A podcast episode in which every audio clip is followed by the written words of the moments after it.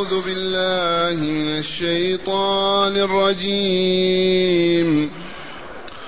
ووهبنا لداود سليمان نعم العبد إنه أواب. إذ عرض عليه بالعشي الصافنات الجياد. فقال إني أحببت حب الخير عن ذكر ربي حتى توارت بالحجاب. ردوها علي فطفق مسحا بالسوق والأعناق. ولقد فتنا سليمان وألقينا على كرسيه جسدا ثم أناب. قال رب اغفر لي وهب لي ملكا لا ينبغي لأحد من بعدي. إنك أنت الوهاب. فسخرنا له الريح تجري بأمره تجري بأمره رخاء حيث أصاب. والشياطين كل بناء وغواص. وآخرين مقرنين في الأصفاد. هذا عطاؤنا فامنن أو أمسك بغير حساب وإن له عندنا لزلفى وحسن مآب. الله أحسنت. معاشر المستمعين والمستمعات من المؤمنين والمؤمنات. هذا القصص. أسألكم بالله من قصه على رسول الله. الله. إذا فمحمد رسول الله. ولهذا نعلنها في وضوح. أشهد أن لا إله إلا الله وأشهد أن محمدا رسول الله. والله لا رسول الله. لو لم يكن رسولا لله كيف يوحي إليه هذا الوحي ينزل عليه هذا القرآن؟ هذا القصص كيف يصل إلى إنسان إلى مخلوق لولا وحي الله عز وجل؟ قصص عجب. وإليكموه قال تعالى ووهبنا لداود سليمان نعم العبد إنه أواب. أعطينا داود وقد تقدم في السياق الحديث عن داود وما وهبه الله وما أعطاه وقال وهبنا له سليمان. فسليمان ابن داود. داود أبو سليمان. وهما من بني إسرائيل من أولاد إسحاق بن يعقوب بن إبراهيم. ووهبنا لداود سليمان نعم العبد نعم العبد من هو سليمان؟ أثنى الله تعالى عليه وشكره فقال نعم العبد لله. سليمان عبد من؟ عبد الله عبد الله. نعم العبد إنه أواب. هذا هو التعليل الحقيقي. لما أثنى الله تعالى عليه قال لأنه رجاع إلينا. ما إن يغفل غفل حتى يعود إلينا. ما إن ينسو نسي حتى يعود إلينا. ما تزل قدمه في كلمة حتى يعود إلينا. أواب رجاع. قولوا اللهم اجعلنا من الأوابين الرجاعين كل من غفل غفلة يجب أن يرجع ويقول الحمد لله. ينسى شيئا يقول الحمد لله عندما يذكره. تزل قدمه فيقول كلمة سوء على الفور يستغفر الله ويتوب إليه وتمحى تلك السيئة. وهكذا طول الحياة لنكون أوابين. اللهم اجعلنا من الأوابين. واذكر عبدنا واذكر ووهبنا لداود سليمان نعم العبد إنه أواب أي رجاء إلى الله عز وجل. ما إن يغفل غفلة حتى يعود إلى الله. ثم قال تعالى في بيان رجوعه إذ عرض عليه بالعشي الصافنات الجياد الخيل. الفرس والحصان الجياد السائعة في جودها في سيرها وسرعتها. عرض عليه لأنه يتهيأ للجهاد فيستعرض القوى والخيول عليها رجالها ليغزو الظالمين والفاسقين والكافرين. وهكذا استعراض القوات إلا أن يستعرضها أهلها. فاستعرض قواته إذ عرضت عليه الصافنات الجياد. الصافن جمع صافنة الفرس السريعة والجياد كذلك. إذا فقال إني أحببت حب الخير عن ذكر ربي حتى توارد بالحجاب. أي ذاك الاستعراض شغله عن صلاة العصر. والله العظيم. أمامه الرجال والخيول وهو يستعرض في القوات. تمر بين يديه دق وقت العصر ما استطاع شغل. حتى توارت الشمس بالحجاب وسقطت. حتى توارت استترت وتغطت بالحجاب. انتبه. أواب وإلا لا رجع على الفوق إلى الله وصلى العصر. ثم بعد ذلك عاد من جديد يواصل استعراضه لخيله. قال تعالى عنه إذ عيد عليه بالعشي الصافنات الجياد فقال إني أحببت حب الخير أي الخيل. والخيل كلها خير كما قال أبو القاسم صلى الله عليه وسلم عن ذكر ربي أي عن صلاة العصر والصلاة كلها ذكر والمقيمون الصلاة والله ذاكرون والمقيمات ذاكرات وقد علمتم هذا من قبل. ما في مجال للذكر أكثر من الصلاة. من لحظة أن تقول الله أكبر وأنت تذكر الله عز وجل حتى تقول السلام عليكم. فلهذا تارك الصلاة لم يذكر الله ولن يكونوا من الذاكرين أبدا. والمقيمون للصلاة والله لمن الذاكرين الله كثيرا والذاكرات.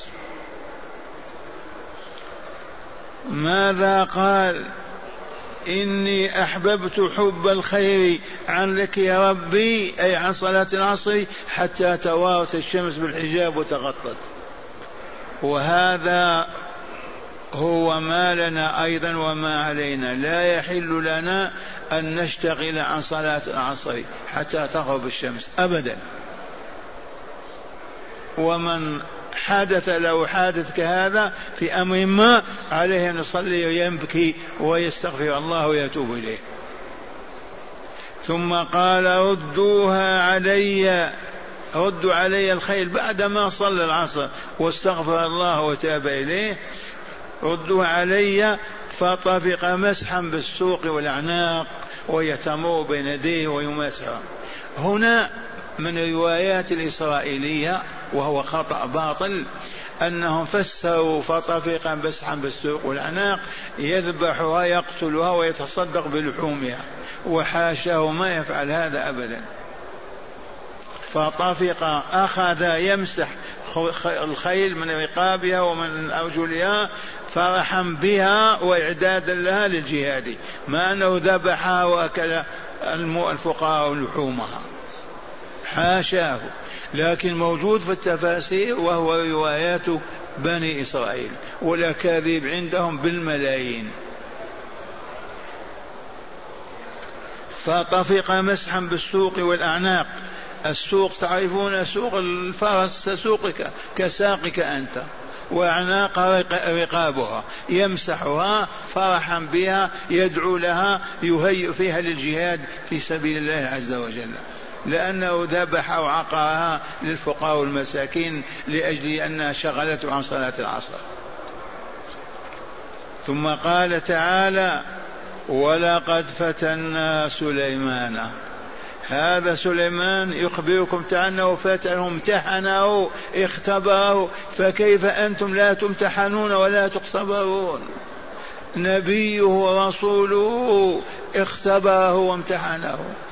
ونحن ما نمتحن لا بمرض ولا بفقر ولا بذل ولا بكذا ولا بنسيان ولا بإعراض. نحن عرضة للفتنة ولقد فتنا سليمان.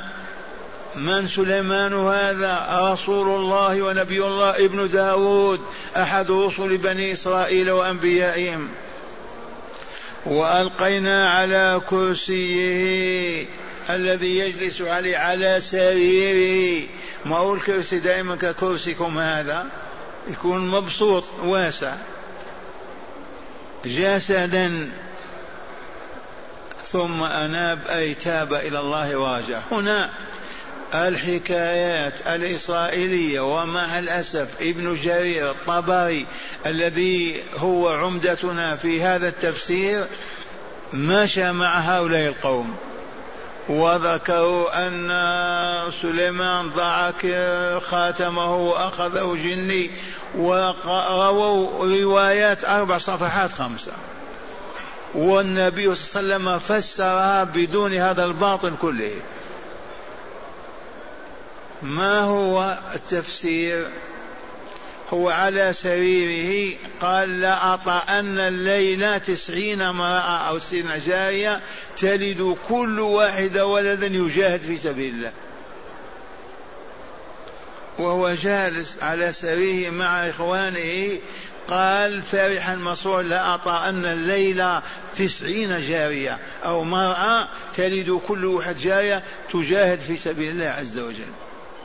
فقال أحد الجالسين قل إن شاء الله ما قال.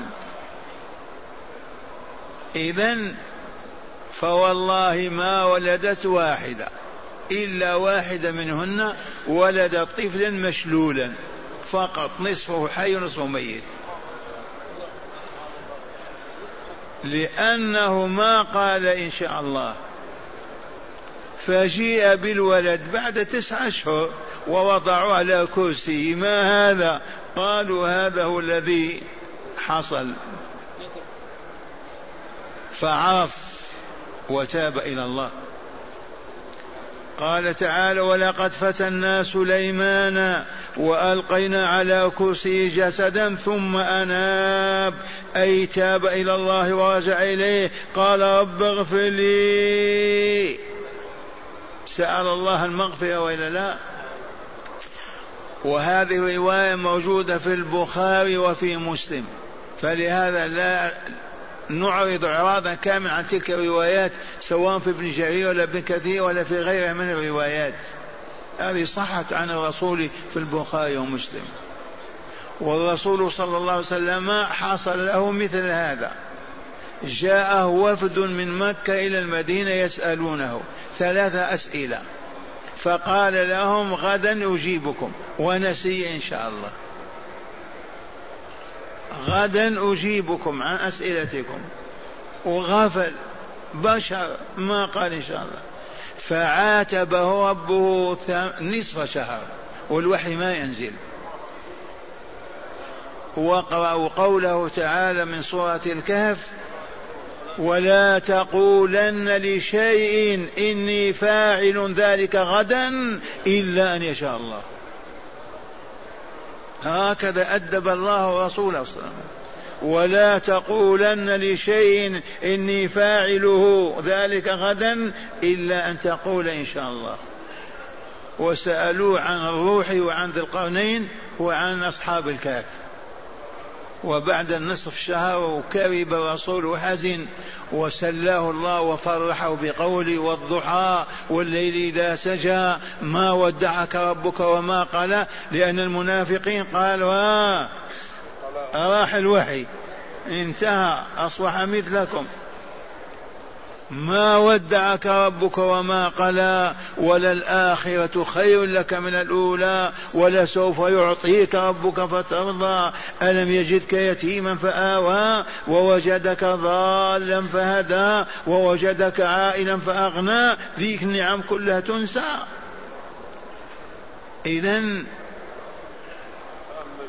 نعم نعم. أقول فسليمان عليه السلام لما ما استثنى ما قال إن شاء الله. فلم تنجب إلا واحدة من التسعين أو مئة جارية أو مرة والذي أنجبته مشلول. نصفه ميت. وضعوه على كرسي تفضل هذا الذي طلبته فقال النبي صلى الله عليه وسلم والله لو قال إن شاء الله لأنجب التسعين ولدا والكل يجاهدون في سبيل الله. إذا فمن اللطائف ألا ننسى كلمة إن شاء الله. أبدا. وأكثركم ينساها. إذا كان الأمر مستقبلا لا بد وأن تقشل. غدا إن شاء الله نلتقي في المسجد. والله لأعطينك كذا إن شاء الله. والله ما قلت كذا إلا أن يشاء الله. وهكذا في المستقبل. ما ننسى هذه أبدا. الله يعاتب رسوله صلى الله عليه وسلم ما عاتبه ولا تقولن لشيء إني فاعل ذلك غدا إلا أن يشاء الله إلا أن تقول إن شاء الله. فكيف بنا نحن؟ وهذا سليمان عليه السلام يطأ تسعين جارية. أرجى أن تلد كل جارية ولدا. بعد ثمان عشر سنة يصبح مجاهدا يقاتل في سبيل الله. فلما لم يستثن ونسي الله أدبه الله. ولقد فتنا سليمان وألقينا على كرسيه جسدا. ثم أناب. رجع قال تعالى قال رب اغفر لي اولا وهب لي ملكا لا ينبغي لأحد من بعدي. إنك أنت الوهاب. اولا سأل الله المغفرة للخطأ الذي حصل. ثم قال له اعطني ملكا لا ينبغي لا يكون له أهل من الناس. فالنظام والدقة والحكم والعدل و و ما هو ملك الديار والمباني. ملكا لا ينبغي لأحد سلطان العدل والقوة والجهاد والرباط لا يكون لغيره. وتوسل إلى الله بقوله إنك أنت الوهاب. سليمان يتوسل إلى الله ليستجيب له. ونحن ما نتوسل إلى الله أو نتوسل إليه بفلان وفلان بالأموات. أي ضلال أعظم من هذا؟ سليمان يتوسل إلى الله بماذا؟ إنك أنت الوهاب. ونحن نسألك بحق فلان ونسألك بجاه فلان. كأن نجعل لفلان حق له على الله. والله يجب أن يعطيه حقه. وهذا كفر كما قال أبو حنيفة. قال الإمام الأعظم أبو حنيفة النعمان رحمه الله تعالى ورضي عنه من قال الله من قال من قال أسألك بحق فلان فقد كفر. ما وجه الكفر؟ ما رأيتم كيف جعل لإنسان مخلوق خلقه الله جعله حق على الله؟ لو تجتمع البشرية كلها تجعل حق على الله من أين لها الحق؟ هو خالقها وواهبها ومعطيها كل شيء. كيف يكون لها حق؟ فلهذا معاشر المستمعين السمعات انزعوا من افهادكم أعطني بحق فلان وأسألك بجاه فلان. هذا باطل باطل باطل. وتوسلوا إلى الله. اللهم إني أسألك كذا إنك قوي متين. إنك على كل شيء قدير. إنك لطيف خبير. إنك رؤوف رحيم. إنك تواب كريم. توسل إليه كما يتوسل أنبياء الله ورسوله. اللهم اغفر لنا وارحمنا. إنك أنت الغفور الرحيم. توسلنا إلى الله وإلا لا؟ اللهم تب علينا كنت التواب الرحيم. توسلنا إلى الله. قال رب اغفر لي وهب لي ملكا لا ينبغي لأحد من بعدي. ليس الملك معناه المباني والعمارات والخيل والبغال. الملك السلطان الذي لا ينبغي لأحد سواه. قال تعالى فاستجبنا له. فسخرنا له الريح.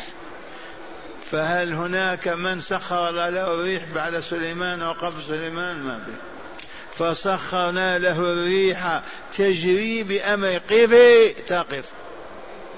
الغرب تميل الغرب الشمال تميل الشمال.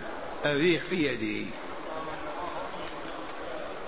إذ أعد لذلك سفينة ما أعظمها يحمل عليها رجاله المجاهدين الأمتعة وتأتي فتحركها وترتفع السفينة وتسوقها حيث يريد سليمان إما الشمال وإما الجنوب وإما الشرق والمغرب.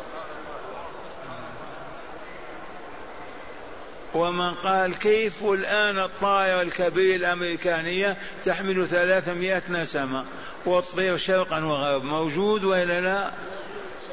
من خلق هذا؟ الله. من سخر لدال سليمان ذلك؟ الله. فسخرنا له الريح تجري بأمره حيث أشاء حيث رخاء لين هشة مطيع له حيث أصاب. حيث أصاب أي أراد. وكذلك وسخرنا له الشياطين كل بناء وغواص.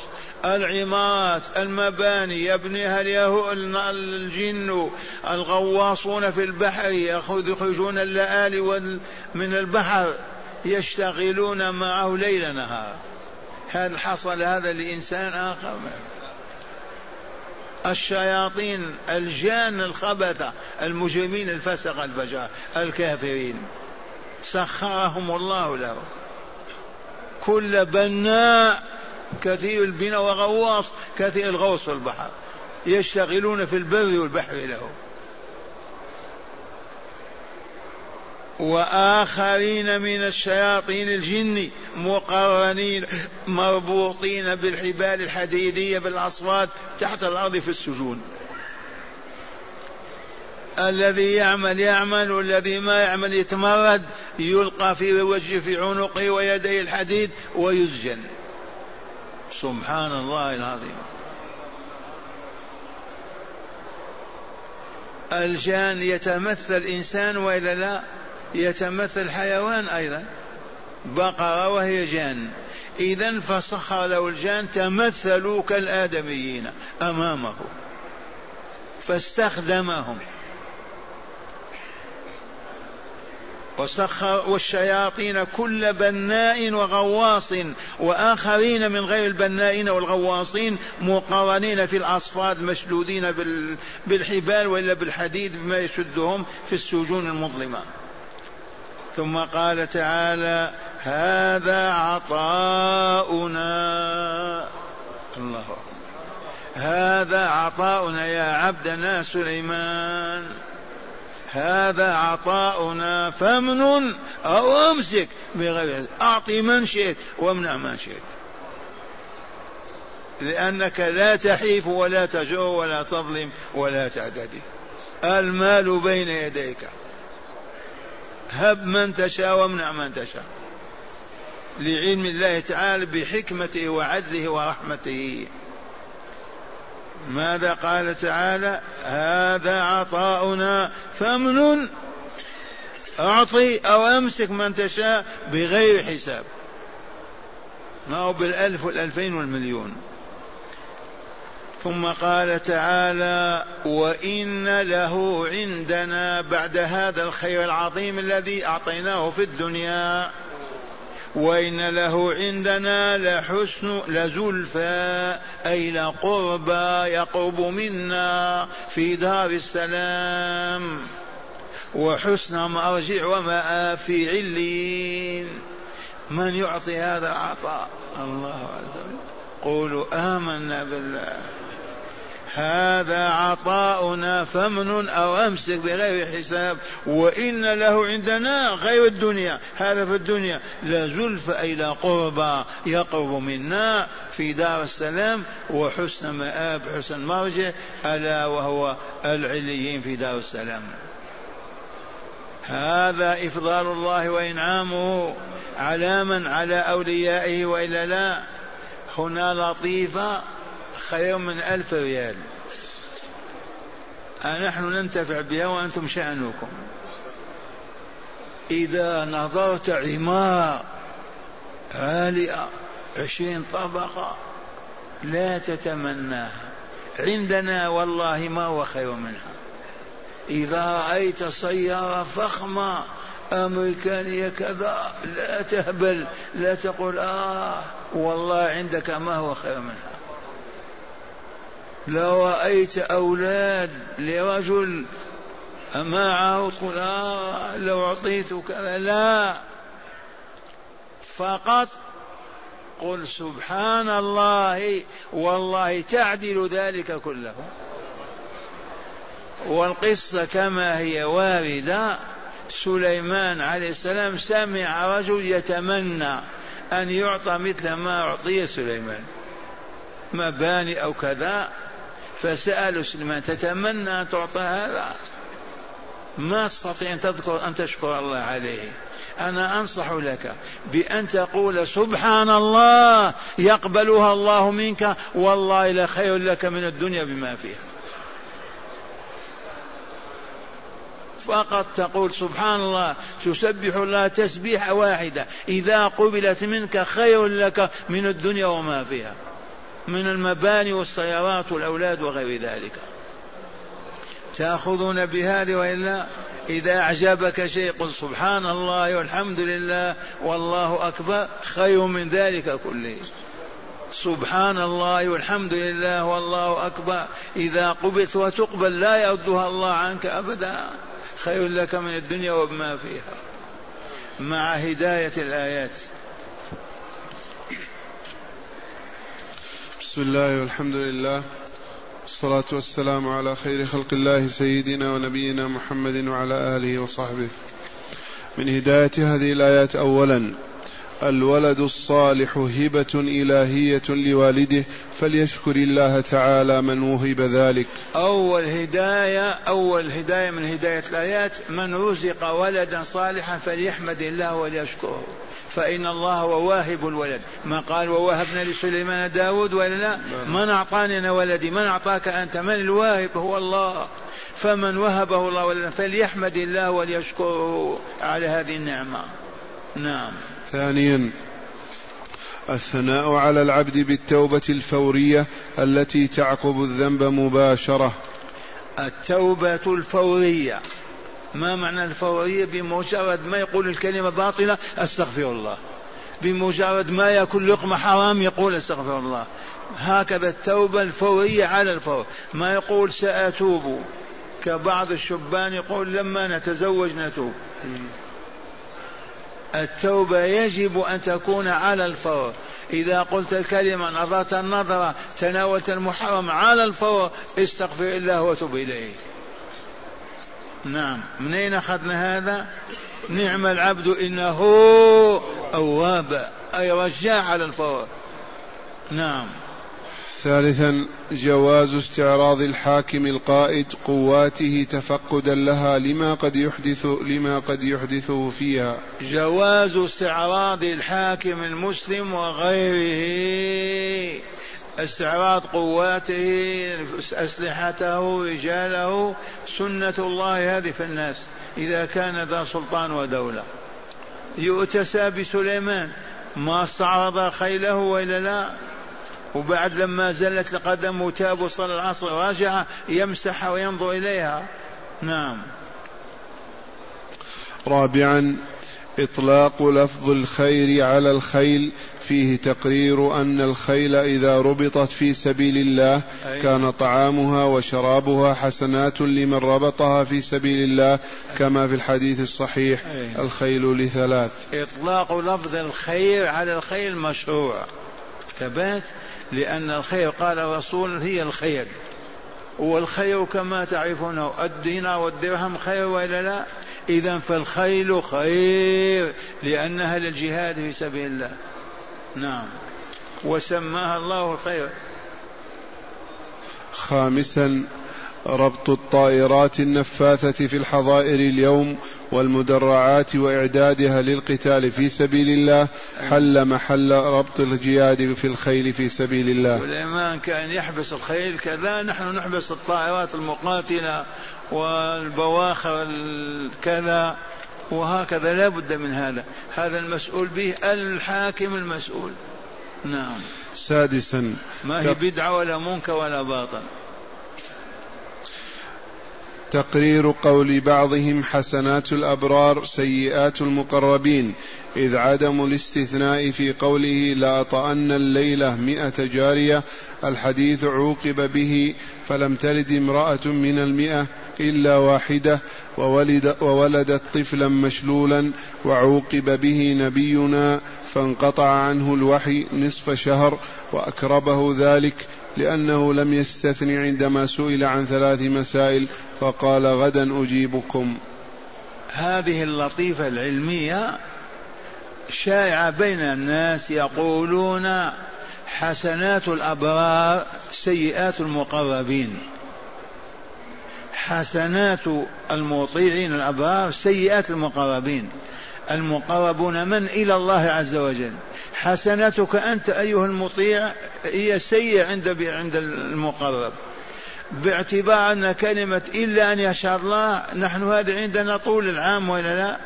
اعتبر السيئة وحرم صاحبها ما أراده. ورسولنا حرم ثمان شهر نصف شهر ما أوحي إليه. كذا ولا لا؟ وسليمان ماذا فعل؟ ولد من التسعين ولد واحد مشلول. يدخل هذا تحت قولهم سيئات حسنات الأبرار سيئات المقربين. الذي قربهم الله دون الأبرار. الأبرار أسفل والمقربون فوقهم. فحسناتنا نحن تعتبر كسيئات المقربين. أو ما فهمتم هذه؟ الشائع عند أهل العلم يقولون حسنات الأبرار سيئات المقربين. ما معنى هذا الكلام؟ حسنتك أنت تعبر بالنسبة إلى علي بن أبي طالب إلى أبي بكر الصديق كأنها سيئة. ثبات للفرق بينكم. فهذا سليمان عليه السلام ماذا فعل؟ ما قال إن شاء الله فقط. عوقب إلى ما عوقب؟ أي عقاب أكثر؟ يطأ تسعين ما مات لذي واحدة. بسبب ماذا؟ ما قال إن شاء الله. نبينا رسول الله سيد الخلق على الإطلاق لما ما قال إن شاء الله عوتب ثبات نصف شهر ما نزل عليه الوحي والمنافقون يتكلمون في ذلك. واضح هذه القاعدة ولا لا؟ نعم. نص الحديث عن أبي هريرة قال لطيفة أخرى مثلا هذا العام ما عندهم. لو أن الشيخ الجزائري يدخن مثلا يعني يشن عليه ويقبح أكبر تقبيح. ولو دخل دخن عدنان ما يبالون. قالوا كيف هذا الشيخ على الكرسي يدخن؟ وهذا هو المعنى اللطيف. مشايع بين الناس. العبد الصالح إذا عمل سوءا يقبح في نظر الناس. أليس كذلك؟ ويشد قبحه. وإذا عمله باقي الهابطين ما يبالون. حسنات المقربين سيئات الأبرار. حسنات الأبرار سيئات المقربين. نعم. قال نص الحديث عن أبي هريرة قال قال رسول الله صلى الله عليه وسلم قال سليمان لأطوفن الليلة على تسعين امرأة كلهن تأتي بفارس يجاهد في سبيل الله. فقال له صاحبه قل إن شاء الله. فلم يقل إن شاء الله. فطاف عليهن جميعا فلم تحمل منهم إلا امرأة واحدة. جاءت بشق رجل وأيم الذي نفس محمد بيده. لو يحلف. على هذه القضية. وأيم الذي نفس محمد بيده. لو قال إن شاء الله لجاهدوا في سبيل الله فرسانا أجمعون. الله أكبر. الله ثانيا مشروعية التوبة من كل ذنب صغير كان أو كبير. نعم مشروعية التوبة من كل ذنب صغير أو كبير. زلة القدم لا بد من كلمة أستغفر الله وأتوب إليه. رابعا بيان إنعام الله تعالى على عبده سليمان. بيان إنعام الله تعالى على عبده سليمان. استجاب له ولله فوهبنا له ما شاء الله. قال رب هب لي ملكا لا ينبغي فأعطيناه هذا وزدناه. نعم. مشروعية التوسل إلى الله تعالى بأسمائه الحسنى. نعم مشروعية التوسل إلى الله أي ليستجيب لي أتوسل إليه بماذا؟ بفلان وفلان بالعمل الصالح. أصلي ركعتين وأسأل الله. أخذ غدائي وعشائي ولا آكله وضعه بين يدي محتاج فقير وأسأل الله عز وجل. تبهتون أسأل الله توسلي بما يحب أن أتوسل إليه. بأسماء الحسنى وصفات العلى. أما أسأله بحق فلان وجاه فلان هذا التوسل حرام باطل ولا يصح أبدا. وهو من كيد الكائدين. أعطونا هذه الوسيلة بحق فلان وجاه فلان ومن ذلك نسينا التوسل المعروف. لا بالصلاة ولا بالذكر ولا بقراءة القرآن ولا بالدعاء ولا ولا أبدا ما نتوسل إلا بحق فلان وجاه فلان حتى لا يستجاب لنا. هذا من كيد الثالوث الأسود المجوس واليهود والنصارى. بيان تسخير الله تعالى لسليمان الريح والجن وهذا لم يكن لأحد غيره من الناس. أي نعم. وروى البخاري أن النبي صلى الله عليه وسلم قال إن عفريتا من الجن تفلت علي البارحة ليقطع نعم. علي صلاتي. عفريتا من الجن تفلت علي البارحة. هذا رسول الله صلى الله عليه وسلم يخبر بهذه الحادثة. والله العظيم. وهو يقول يصلي في الليل تفلت عليه عفريت وأراد أن يفتنه فأخذه ولببه هكذا. ثم قال لولا أنني لولا أني ذكرت قول سليمان رب هب لي ملكا لا ينبغي لأحد بعدي لربطته في ساية المسجد حتى تجدوا الصباح وتقاتل وتضحكون عليه. أعيد الحديث. قال روى البخاري أن النبي صلى الله عليه وسلم قال إن عفريتا من الجن تفلت علي البارحة ليقطع علي صلاتي فحماني الله تبارك وتعالى منه. فأردت أن أربطه إلى سارية من سوار المسجد حتى تصبحوا وتنظروا إليه كلكم. فذكرت قول أخي سليمان عليه السلام رب اغفر لي وهب لي ملكا لا ينبغي لأحد من بعدي إنك أنت الوهاب. فرددته خاسئا.